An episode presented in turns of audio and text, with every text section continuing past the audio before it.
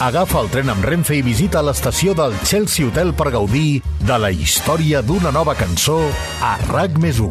Amb Olga Suanya, el podcast on les cançons lliguen amb la història.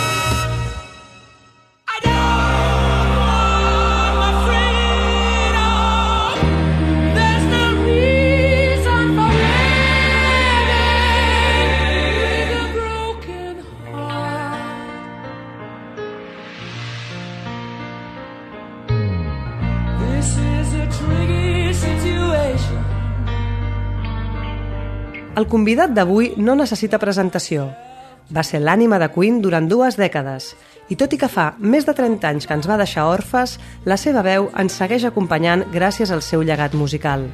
En aquest capítol retem homenatge al gran Freddie Mercury i ho fem amb una cançó que fusiona el pop-rock de la banda britànica amb una de les grans passions del seu líder, l'òpera. Avui al Chelsea Hotel expliquem la història d'It's a Hard Life. It's a hard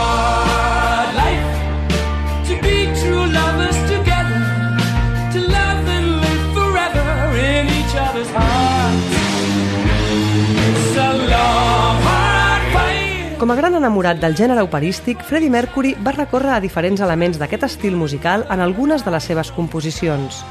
It's a Hard Life n'és un molt bon exemple, i és que aquesta és una cançó inspirada en Pagliacci, una òpera tràgica del compositor napolità Ruggero Leoncavallo. Pagliacci relata una història d'amors i infidelitats en el marc de la representació d'una companyia de còmics ambulants.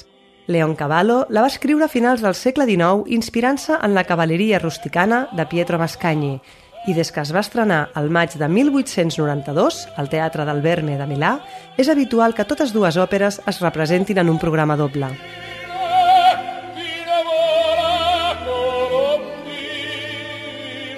Però quins elements d'aquest Pagliacci va recollir Freddie Mercury a It's a Hard Life? Doncs principalment dos. El primer el trobem a la intro que precedeix l'entrada del piano i la veu de Mercury i que està basada en l'ària més famosa d'aquesta òpera i que es coneix com Vesti la Giubba. La peça recull el moment en què Canio, el còmic protagonista, descobreix la infidelitat de la seva esposa mentre ha de preparar-se per fer l'espectacle d'aquell dia. Sens dubte, un dels moments més emotius que recull el llibret de Leon Cavallo.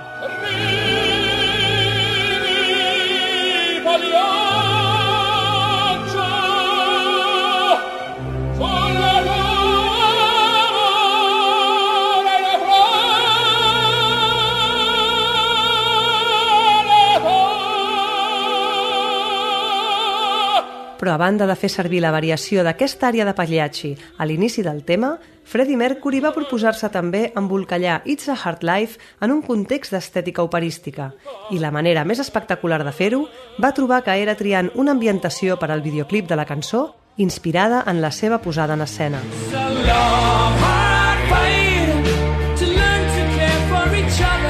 Tota la idea creativa d'aquesta peça audiovisual va ser obra de Freddie Mercury. Es va rodar a Múnich durant dos dies i va suposar una gran inversió en actors, decorats i elements de trezzo per tal de convertir el videoclip en la recreació d'una escena genuïnament operística.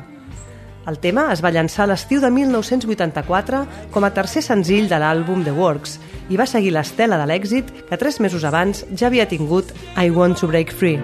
But it Brian May i Roger Taylor van explicar en una entrevista que It's a Hard Life era una de les cançons de Queen preferides de Freddie Mercury.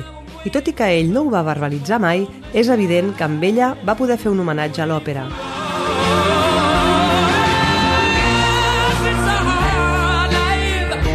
Quatre anys més tard, va tenir una nova oportunitat d'interactuar amb aquest gènere musical pel qual sentia una autèntica devoció. I ho va fer acomplint un dels seus somnis, gravar un tema amb Montserrat Cavaller. Mercury era un devot admirador de la soprano catalana des que l'havia vist per primer cop en una representació de l'òpera de Verdi, Un ballo in màscara.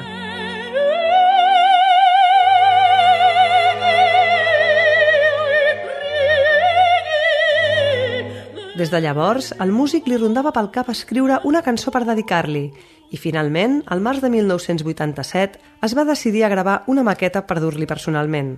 Cavaller va quedar impressionada amb la melodia d'aquella peça i va accedir a gravar un disc amb ell en forma de duet.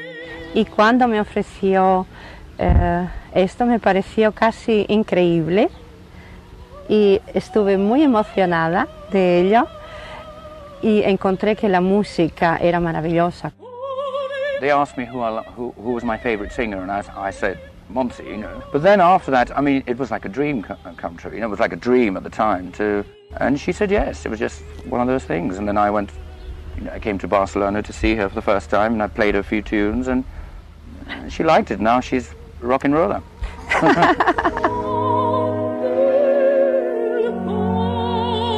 El tema principal d'aquest treball va ser Barcelona, una cançó que es va convertir en l'oficial dels Jocs Olímpics que es van celebrar a la capital catalana el 1992.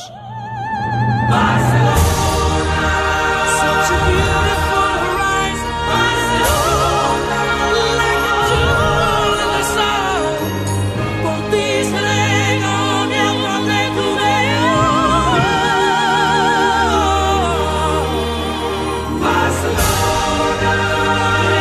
Desgraciadament, els dos artistes no van poder interpretar-la plegats a l'obertura dels Jocs, ja que Freddie Mercury va morir a causa d'una bronconeumonia complicada per la sida el novembre de 1991.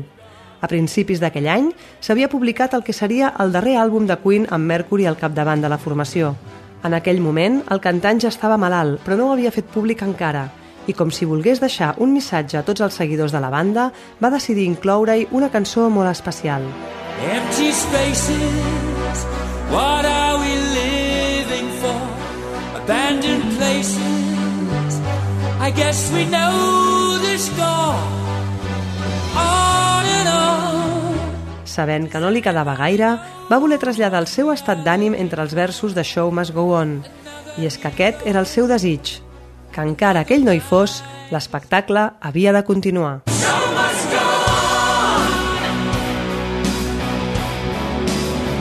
Show must go on. Yeah, yeah. Ooh, inside my heart is breaking. My makeup may be flaking, but my smile still